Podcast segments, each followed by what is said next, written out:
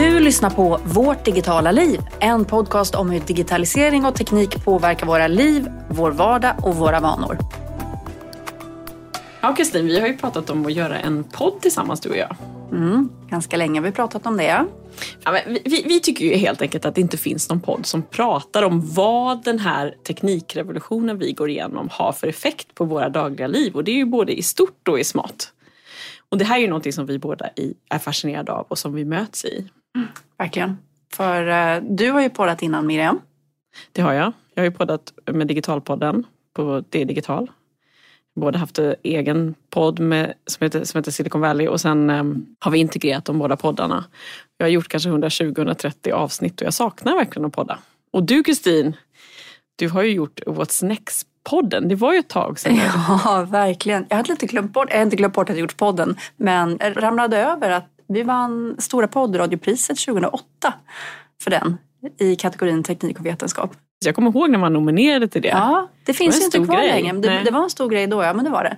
Eh, så att, ja herregud, 2008 då kände man sig lite som en poddmormor.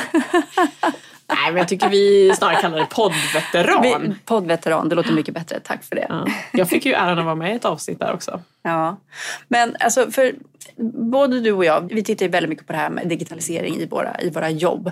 Eh, och, och, digitalisering, det är ju intressant i sig, men ännu mer intressant är ju vi ganska överens om, är ju det här hur teknik bit för bit förändrar allt.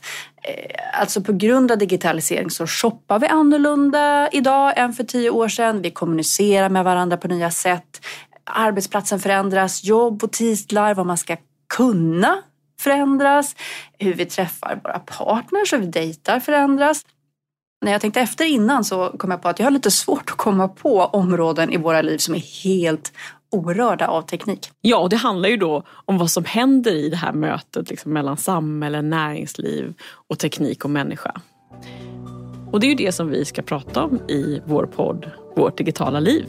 Välkomna, hoppas ni ska tycka det är kul att lyssna med oss. Om vi skulle berätta lite om oss själva. Eh, jag kan börja med att presentera dig, Miriam. Du är techreporter och du jobbar för Dagens Industri och har flyttat hem till Sverige igen efter åtta år som Silicon Valley-korrespondent i San Francisco.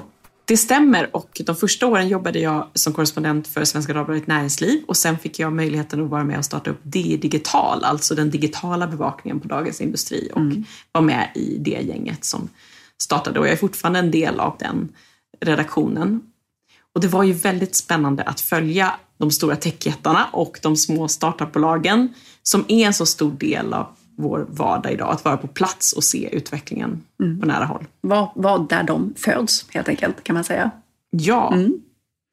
Och sen har jag då alltid varit intresserad av jämställdhet inom näringslivet och specifikt inom techbranschen. Och det är någonting som jag också har bevakat kontinuerligt och parallellt.